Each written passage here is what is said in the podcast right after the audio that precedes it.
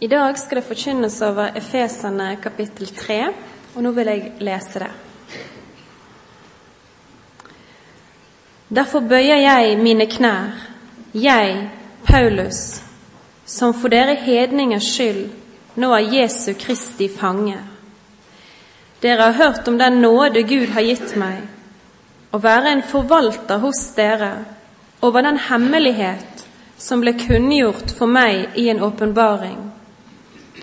Jeg har ovenfor skrevet ganske kort om dette, og når dere leser det, kan dere skjønne hvilken innsikt jeg har i Kristi hemmelighet. Den var ikke gjort kjent for menneskene i tidligere slekter, men nå er denne hemmelighet ved Ånden blitt åpenbart for Hans hellige apostler og profeter. At også hedningene har fått del i arven. De hører med til det samme legeme og ha del i løftet, i Kristus Jesus og i kraft av evangeliet. Og jeg ble en tjener for evangeliet da Gud grep inn med sin kraft og ga meg sin nådegave. Jeg, som er den minste av de hellige, har fått den nåde å forkynne for folkeslagene det glade budskap om Kristi ufattelige rikdom og bringe Guds frelsesplan fram i lyset, den hemmelighet som fra evighet av har vært skjult hos Gud, Han som skapte alt. Slik skulle nå Hans mangfoldige visdom gjennom Kirken bli kunngjort for maktene og myndighetene i himmelrommet. Dette var Guds forsett fra evighet det han har fullført i Kristus Jesus, vår Herre. I ham har vi frimodighet, og i troen på ham kan vi komme fram for Gud med tillit. Derfor ber jeg dere, mist ikke motet, fordi jeg må lide for deres skyld. Det er jo en ære for dere. Derfor bøyer jeg mine knær for Faderen han som har gitt navn til alt som heter far og barn i himmel og på jord. Jeg ber om at Han som er så rik på herlighet, må styrke dere i det indre mennesket med sin kraft og med sin ånd, så Kristus ved troen kan bo i deres hjerter, og dere kan stå rotfestet og grunnfestet i kjærlighet. Da kan dere sammen med alle de hellige bli i stand til å fatte bredden og lengden, høyden og dybden, ja, kjenne hele Kristi kjærlighet, som er mer enn noen kan fatte, og bli fylt av hele Guds fylde. Han som virker i oss med sin kraft og kan gjøre uendelig mye mer enn alt det vi ber om og forstår. Ham være ære i menigheten og i Kristus Jesus gjennom alle slekter og i alle evigheter. Amen. Slik lyder Herrens ord. Ja, kjære Jesus, eh, du er alt det vi sang nå, og mye mer. Og du er ikke lenger en hemmelighet.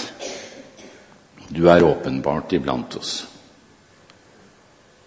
Og nå ber vi deg, Jesus, ut fra dette avsnittet som vi allerede har hørt lest, at du skal tale til hjertene våre. Det står om åpenbaring flere steder i dette vi har lest. Og Herre, nå må du åpenbare deg for oss. Jeg kjenner meg knøttliten.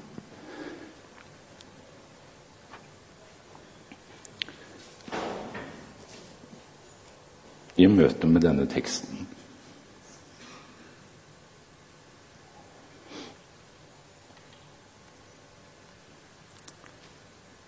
Derfor ber jeg Jesus åpenbar deg for oss. Og ikke bare for oss, men denne hemmeligheten vil videre. Vi har ikke mulighet til å være hemmelighetsfulle med denne hemmeligheten du har åpenbart for oss. Så hjelp oss du, Jesus. Amen. Ja, da er det først godt for meg å si at det er fint å være tilbake igjen. Jeg er så heldig å få være her en gang i året. Mandag var jeg på mannssamling. Skikkelig mannfolksamling. Det var bra. Nei, på fredag, mener jeg, sa jeg. Ja. Fredag var jeg på skikkelig mannfolksamling. Det var bra. I går var jeg med på ungdomsmøte her. Det var også en flott opplevelse. Dere har noen flotte ungdommer, og noen av dere er her. Det er fint å se dere igjen. Så jeg får truffet og pratet med noen av dere, og nå er jeg altså her. Dere har hørt teksten lest, og um, det er en veldig tekst. Det er en tekst om hvordan Gud har handlet i historien, og hvordan han handler. Den, dere ser det ut ifra Bibelen at den er delt i to naturlige deler. Det er de første 13 versene som sier noe om denne hemmeligheten som er blitt åpenbart. Og så eh, går den videre da fra vers 14 og sier noe om hvordan denne hemmeligheten kan vokse i oss, slik at den vokser utover oss. Slik at hemmeligheten ikke bare blir noe vi holder på hemmelighetsfullt, men at den lekker videre slik den har gjort hele tiden. Eh, for ordet hemmelighet brukes både i vers 2, der Paulus sier at dere har hørt om den nåde Gud har gitt meg, å være forvalter over den hemmelighet som ble kunngjort for meg i åpenbaring. Jeg har overfor, ovenfor skrevet ganske kort om dette, og det talte Gunnar om sist søndag, det som står ovenfor. Så det er i kapittel 2. Og når dere leser det, kan dere skjønne hvilken innsikt jeg har i Kristi hemmelighet. Den var ikke gjort kjent for menneskene i tidligere slekter, men nå er denne hemmeligheten ved Ånden blitt åpenbart for Hans hellige apostler og profeter. Vi dumper altså her rett inn i og midt inn i Guds fremadskridende åpenbaring av sin frelsesplan. Og så står det altså i vers 9 at denne har vært skjult hos Gud, som skapte alt. Men jeg vet sannelig ikke. Gud har jo lekket denne hemmeligheten sin hele tiden. Han har lekket som en sil. Allerede i første Mosebok 3 der det forferdelige skjer. Alt går av skaftet. Mennesket mister relasjonen til Gud, til deg selv, til hverandre, til naturen. Alt går galt. Hva er det som skjer med menneskene idet de sendes ut av Edens hage? Jo, Herren slakter et dyr og kler dem. Kler nakne Adam og Eva. Det første blodsoffer for å kle. Det peker framover mot Jesus. Så sitter ungene et eller annet sted i bygget her nå og hører om Abraham. I første Mosebok 12 får Abraham ordet og løftet om at han skal bli opphavet til en ny slekt, en trosbevegelse. Og så bryter han opp, og så går han og så venter han, og så tror han, og så fortviler han. Og så ler Sara da hun skal høre at hun skal få barn. Hun vet ikke hvordan de skal forholde seg til det, men hemmeligheten går videre fordi det var et vanlig, enkelt ektepar som brøt opp i enkel tro. Så ser vi Jesaja 49, hvor Gud sier det er ikke nok at du er min tjener som eh, fører eh, Jakobs stammer tilbake og, eh, og bevarer Israel. Jeg gjør deg til et lys for folkeslagene, så min frelse kan nå til jordens ender, sier Gud til sitt folk i Jesaja 49. Hemmeligheten skal videre, og den åpenbares litt etter litt. Og Så kommer Jesus, og så forkynner han evangeliet, men så er han smal i sin målgruppe. Dere husker kanskje dette avsnittet som jeg alltid har vanskeligheter for å forholde meg til. Når denne hedningekvinnen kommer og har behov for Jesus og behov for hjelp, og så omtaler han hedningene som hunder. Og så snakker han om disse smulene som faller ned fra bordet. Ja, så får, så får hundene ta det, da. Det var hedningenes plass i dette. Men så gir Jesus misjonsbefalingen om at evangeliet det skal bygges disipler til jordens ende. Han sprenger grensene for denne hemmeligheten, slik at flere kan få del i den. Og så sitter vi her 2000 år etter Jesus. Fordi det var en mann som fikk en drøm en natt.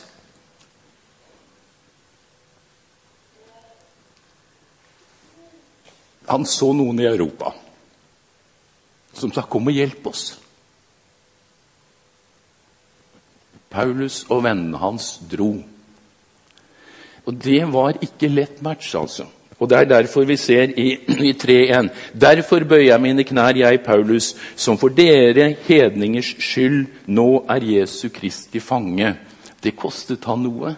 Vi sitter her fordi denne Guds hemmelighet som vil videre, som sprenger grenser, den bidro bl.a. til at Paulus hadde noen opphold i fengsel. Og så er dette åpenbart, og så sitter vi her nå og så har vi fått ta imot denne hemmeligheten. Og så er den ikke en hemmelighet lenger. For dette som vi leser, denne hemmeligheten er nå åpenbart, og den skal åpenbares videre gjennom Kirken. Eklesia, og vi som er her, vi vet forhåpentligvis at når eklesia, kirken, brukes i Nytestamentet, så er det aldri ikke engang snakk om en bygning. Det er alltid folk. Det er mennesker. Levende mennesker, kjempende mennesker, seirende mennesker, leende mennesker, grinende mennesker. Det er mennesker, det er folk. Denne hemmeligheten lengter etter å leves ut og leves videre gjennom vanlige folk som oss. Og Derfor handler det om at vi nå kalles til å la denne hemmeligheten sprenge grenser inni oss og vokse slik at den sprenger seg ut av oss og til stadig nye mennesker. Derfor så ser vi i vers 14 når vi går videre på det neste avsnittet. Derfor bøyer jeg mine knær for Faderen, Han som gitt, har gitt navn til alt som heter far og barn på jord. Og det håper jeg dere har gjort, lagt dere til som en vane at når det står 'derfor', så må det være en grunn til det. Og dette 'hvorfor' ligger da i versene foran. Så når han sier 'derfor' i vers 14, så er det jo pga. alt det strålende som står i de 13 første versene. Løftet om Kristus, Han som er vår fred. Og så går vi litt videre bakover, og så begynner jo å forsyne meg kapittel 3, vers 1 også med 'derfor'. Derfor bøyer jeg mine knær. Hvorfor? Jo, for det er så vidunderlig flott det som sto i kapittel 2.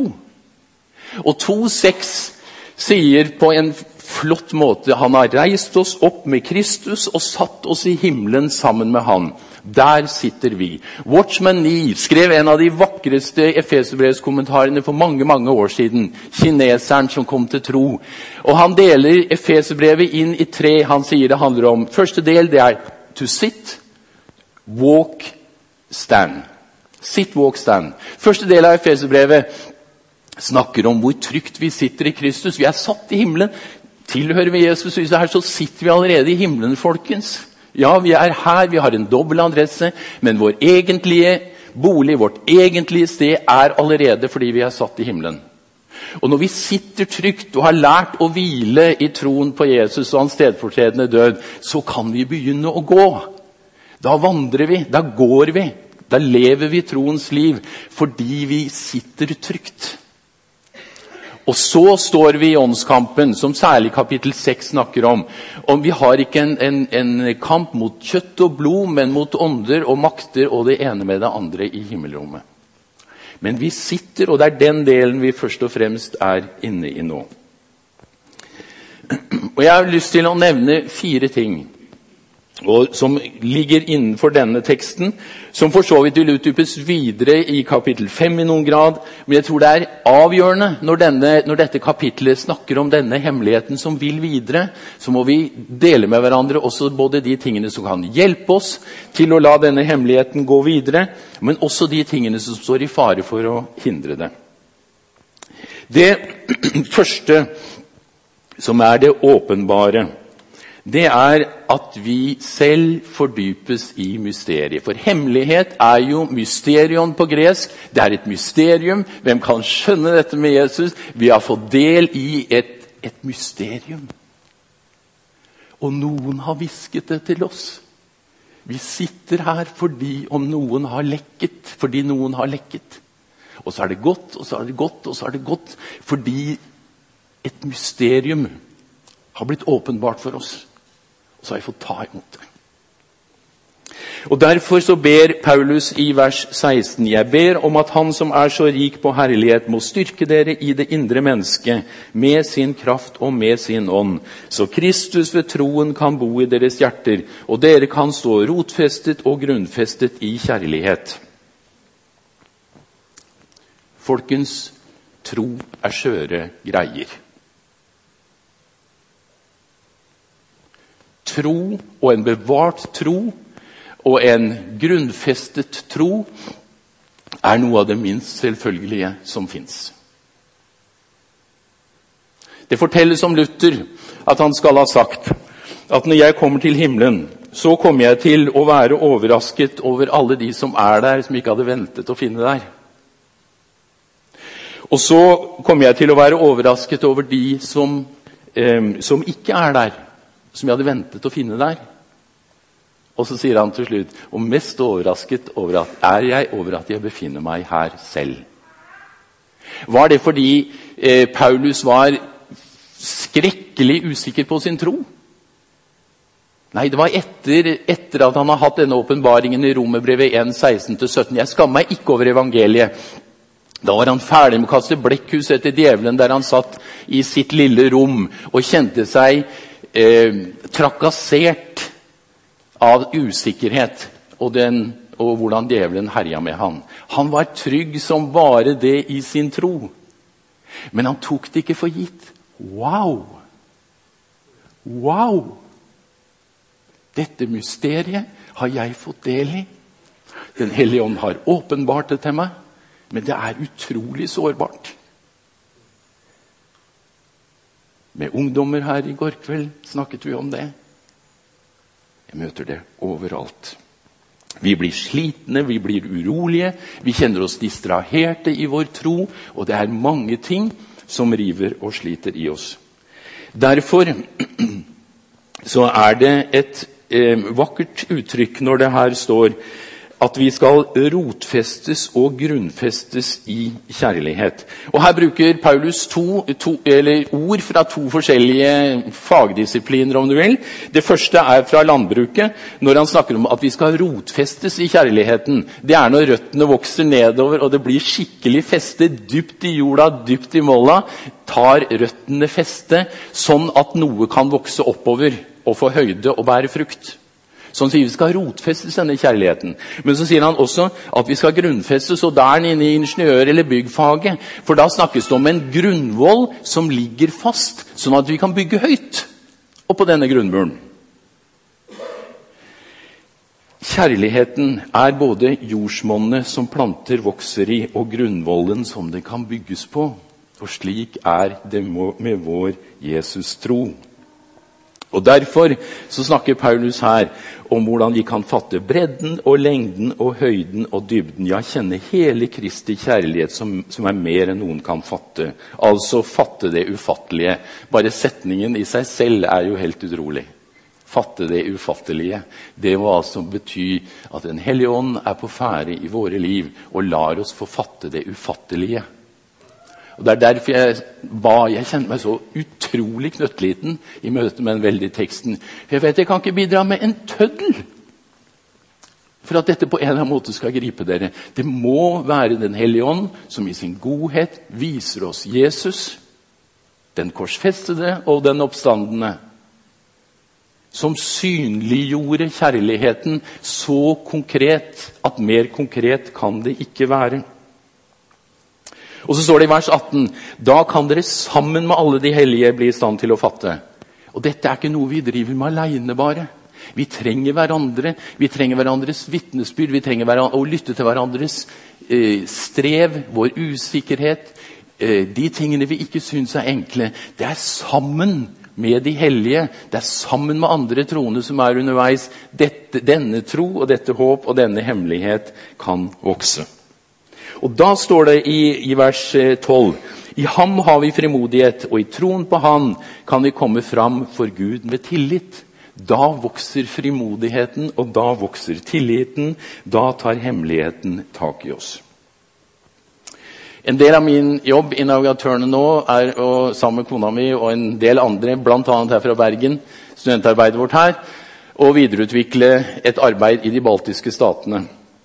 Like før sommeren var jeg i Tallinn.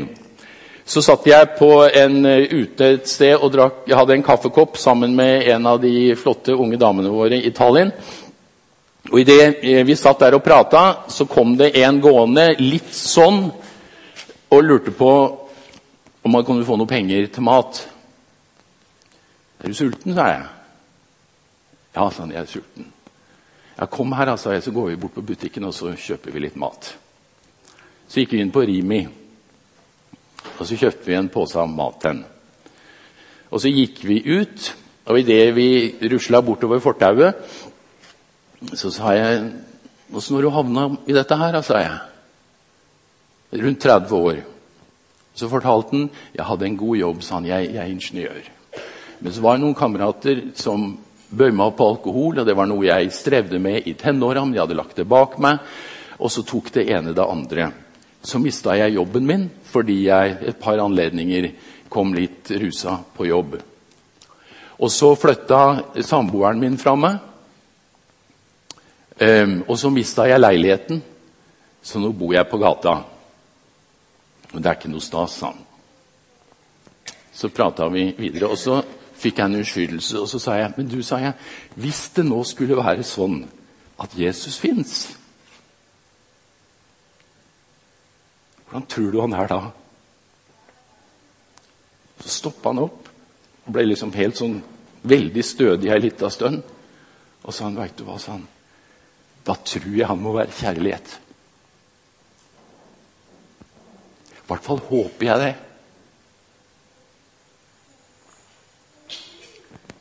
Hvilket bilde har vi av kjærlighet? Er det noen som griper oss, også på det dypeste av det dype? Og så hadde vi begrensa tid til å prate. Men idet han gikk bortover der med rim i posen, litt sånn veivende med noe brød og noen pølser og noe mat jeg hadde kjøpt hen, så tenkte jeg ja, sånn er det med meg òg. Jeg tror Jesus er kjærlighet. Jeg håper i hvert fall.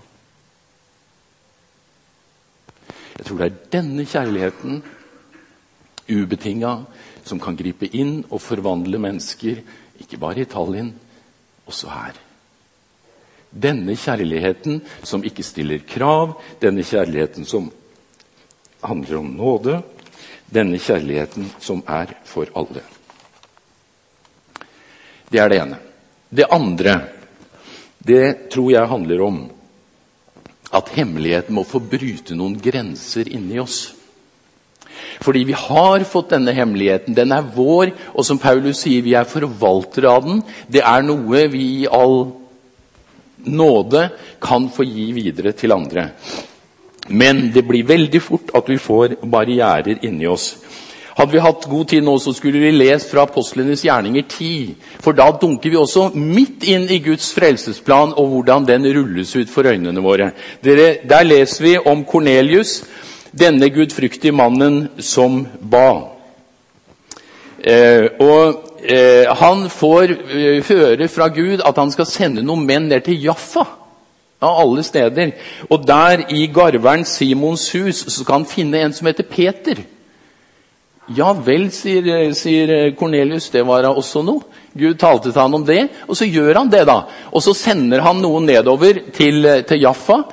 Eh, og mens dette skjer, så står det om Peter at Peter gikk opp på taket for å be. Han var et bønnemenneske, Peter, så han gikk på taket for å, ba, for å be. Og Mens han var på taket, så ble han sulten, står det. Og hva skjedde da? Jo, så kommer det en duk ned fra himmelen fire, med fire hjørner. Og oppe her var det fugler og, fir, og krypdyr og all verdens merkelige og ufyselige dyr. Og så sier Gud til han, 'Slakt og et, er det ikke du som er sulten?' Ikke tale om, sier Peter, jeg kan jo ikke spise disse dyrene her, for det har jo hele min tradisjon lært meg at dette er jo urene dyr. Ja, men Så sier Gud, ja, men hør nå her, hvis jeg sier at dette har jeg gjort rent, da skal da vel ikke du kalle det urent? Oh, sier Peter, og så spiser han dette greiene. Og så blir han da med disse folka opp til Kornelius, og så har Kornelius et, et flott husmøte. Og hvem var det Kornelius hadde invitert? Jo, sin slekt og sine nærmeste venner. Det var hedninger. Og så deler, ordet, deler, Peter ordet med dem der. Men først så sier han du vet, Jeg har vokst opp i en tradisjon der vi skulle ikke ha noe med grekere, vi skulle ikke ha noe med hedning, vi skulle ikke ha noe med det urene å gjøre. for Jeg, jeg husker jo Jesus sa dette her med, med, med smuler og alt dette her. Men, sa han, så viste Gud meg at jeg skal ikke kalle noe urent som han sender meg til, og som han kaller rent. Skjønner dere hva jeg vil med denne beretningen? Og mange kom til tro etter, i dette husmøtet. Ideen og grunnen til at jeg bruker denne historien, det er jo rett og slett for at grens, sperrene for at hemmeligheten skulle gå videre til hedningene gjennom Peter, det var at han holdt på sine tradisjoner. Han var så bundet og ufri at han makta bare ikke å gå til nye mennesker, bryte grenser og la hemmeligheten få fritt rom. Jeg talte på ungdomsmøtet her i går kveld, så hadde jeg fått teksten fra Markus 2 om Jesus som kaller Levi. Og hva er det, hva er det Levi gjør? Eh, han selger seg an et selskap for kollegaene sine. Det var en hel gjeng med tollere. Syndere var det også, står det. Og dit drar Jesus. Han sitter og spiser med dem. Med dem.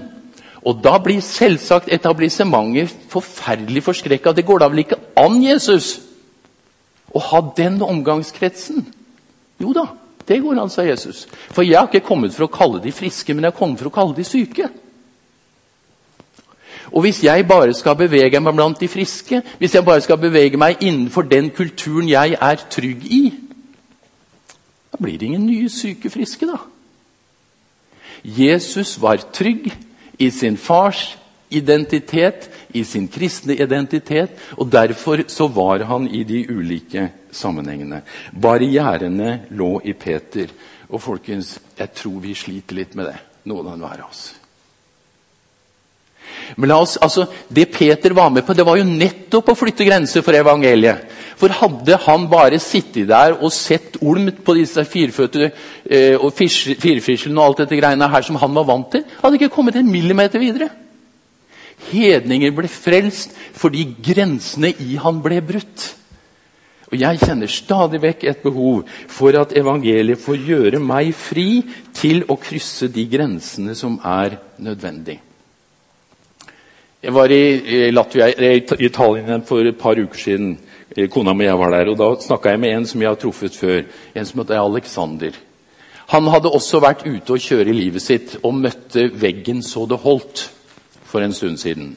Og en lørdag kveld så ba han desperat Gud, sånn kan ikke jeg ha det. Jeg holder ikke ut lenger. Han hadde en ateistisk eh, kommunistisk, ateistisk bakgrunn som hans foreldre hadde vokst opp i. Han hadde ingen tanker om Gud. Han var så negativ og så blank som noen 28-åring muligens kan være. Men han ba. På mandag kom Mikkel bort til han, en i navigatørgjengen i Tallinn. Så kom Mikkel bort til han, og så sa han, 'Vi har ei lita gruppe. Har du lyst til å være med i den?' To dager etterpå. Ja da, så ble med, eh, så ble Alexander med i gruppa til Mikkel. Søndagen helga etter så dro de på en weekend. Der ble Alexander på en eller annen måte overrumpla av Guds godhet og kjærlighet og ga livet sitt til Jesus. Onsdagen etter ble han med i bibelgruppa til Mikkel. Hvorfor?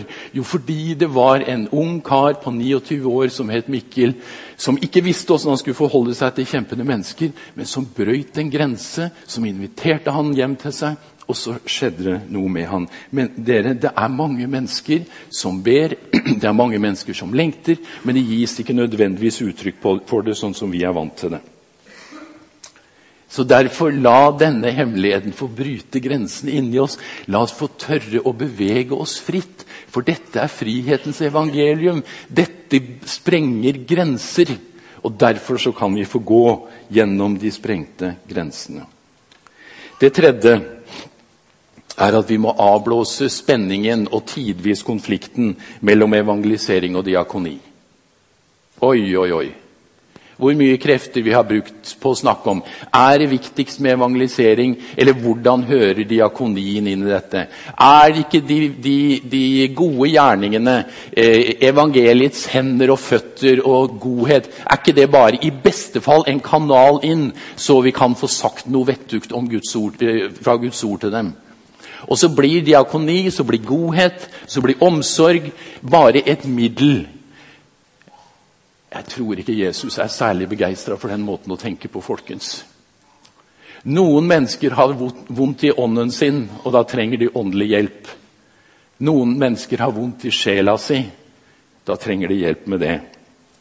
Noen mennesker lider kroppslig nød av vondt i kroppen. Da trenger de hjelp med det. Noen mennesker har vondt i relasjonene sine, og da trenger de hjelp med det. Mennesker har vondt ulike steder, og evangeliet er raust nok og stort nok til å avlyde disse tullete spenningene vi har skapt. Kolossebrevet 1,20. Kristus kom for å forsone alle ting med seg selv. Det i himmelen og det på jorden, og følgelig alle andre steder. Tapanta. Alle ting er han i ferd med å forsone med seg selv. Jeg husker For noen år siden så talte jeg på et arbeidermøte på stedet deres på Bildøy. Så husker jeg En av de fremtredende lederne deres det var for fem-seks år siden, han sa tidligere i Bergen sa han, så hadde vi syv ansatte diakoner. Nå har vi ingen.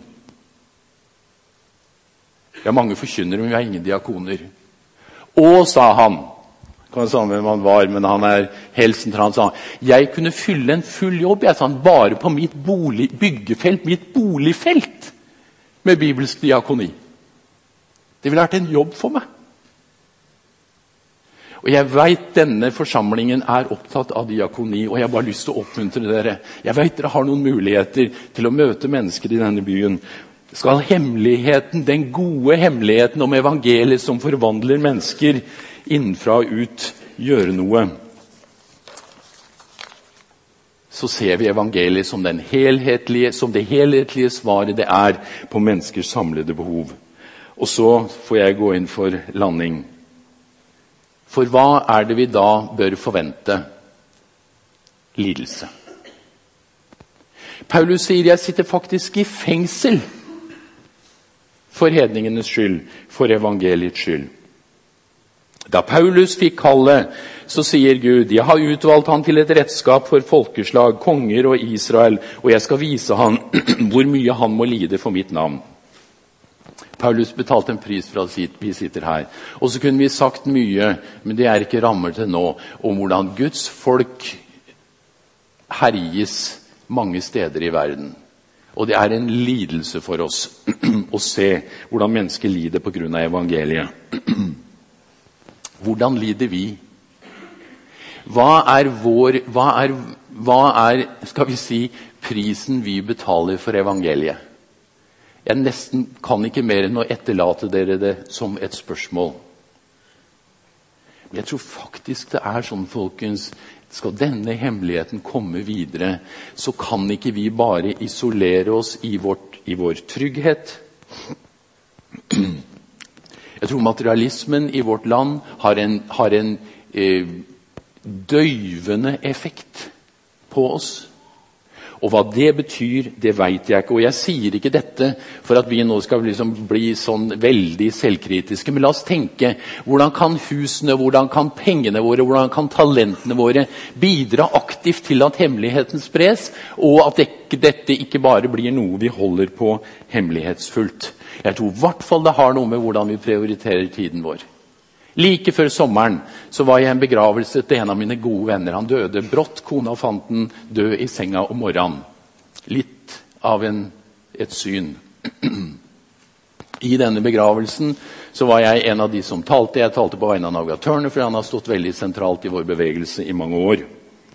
Der var søskenbarnet til denne karen som døde, og mannen hennes. Og jeg så hvor grepet de var over det som skjedde. De er ikke kristne. Men så bor de i åtte hus lenger borti gata vår. Og under den begravelsen så tenkte jeg det, er noe av det første jeg skal gjøre, noe av det første karet jeg skal gjøre, det er å invitere de to hjem til oss, så vi kan prate videre og rett og slett stille spørsmålet hvordan opplever dere dette her? For jeg så hva det gjorde med dem å være i en kristen begravelse. Selv har tatt aktivt avstand fra det. Det var i juni. Jeg har ikke gjort det ennå. Jeg har ikke gjort det ennå. Hvorfor? Fordi jeg er travel med så mange ting. Og skal hemmeligheten bryte grenser, folkens, så er vi nødt til å gjøre noen valg. Hvor mange kristne venner trenger du? Hvor mange kristne lag må du turnere i?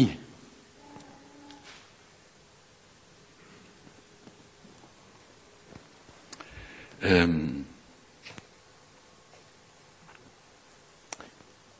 kanskje må jeg slutte å kutte ut helga til Betlehem. Kanskje må jeg kutte ut noe annet. Det er ikke det at vi driver med uviktige ting, noen av oss, tror jeg. Men, hvis, men, men, hemmeligheten forblir veldig hemmelighetsfull hvis ikke mennesker som ikke har fått del i hemmeligheten, får møte mennesker som på et eller annet måte har fått oppleve den av bare nåde. Og jeg tror kanskje dette er en av de lidelsene vi må spørre om vi er villige til å gå inn i og ta på oss. Og si vi vil leve radikalt. Og dere vet, ordet, når, når dere hører ordet radikalt, så tenker dere litt sånn frikete og litt sånn veldig spesielt. Radikalt, Grunnordet i det er radix, og det betyr, stamme, det, det betyr liksom rot.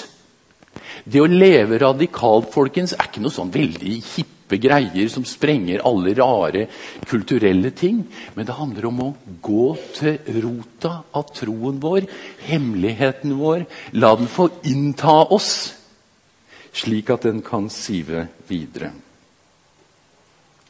Kjære venner. Det er en glede å få være sammen med dere i Betlehem hver eneste gang. Dere har jobbet mye med strukturer og styringsorganer og det er kjempebra. Som dere vet, jeg er her regelmessig, og jeg prater mye med Gunnar. Jeg har fått følge dere i disse prosessene, og jeg syns det er fantastisk flott dere har fått til. Men hva kan, hva kan, hva kan neste skrittene være? Med gode ordninger? Ja, så går, er det så mye som går så bra som det gjør her. Men jeg lurer på om denne hemmeligheten lengter etter å bli hvisket til nye mennesker. Og Det tror jeg bl.a. handler om noen av de tingene vi har sett at Peter gjorde. Noen av de utfordringene vi står overfor. Men først og fremst de mulighetene vi har til å la denne hemmeligheten få gjøre noe fantastisk. Han som virker i oss med sin kraft og kan gjøre uendelig mye mer enn alt det vi ber om og forstår. Ham være ære i menigheten og i Kristus Jesus gjennom alle slekter og i alle evigheter. Jeg tror dette oppmuntrer oss til å be stort. For han gjør noe enda større, står det. Han som virker langt utover det som vi ber eller forstår. Slå dere sammen, og det gjør dere sikkert. Be om at Gud skal sprenge grenser i dere og mellom oss, slik at dette vidunderlige evangeliet om Jesu tilgivelse og nåde kan sive igjennom til nye mennesker. Slik at han kan bli æret i menigheten og i Kristus Jesus gjennom alle slekter og alle evigheter. Amen. La oss be. Kjære Jesus, vi takker deg for denne hemmeligheten som du har åpenbart oss. Og her er vi. Og vi vil så gjerne slå følge med Peter når du sa noe til hjertet hans som gjorde han trygg og fri til å bryte noen tradisjoner og til å gå med det gode og se at evangeliet var i stand til å sprenge grenser, ikke bare i han, men også i den, i den tradisjonen han hadde vokst opp. Jesus, jeg ber at denne hemmeligheten, ordet om deg, skal vokse seg stort i oss. At vi skal kjenne tryggheten i deg, slik at vi også har noe på hjertet til mennesker rundt oss. I Jesu navn. Amen.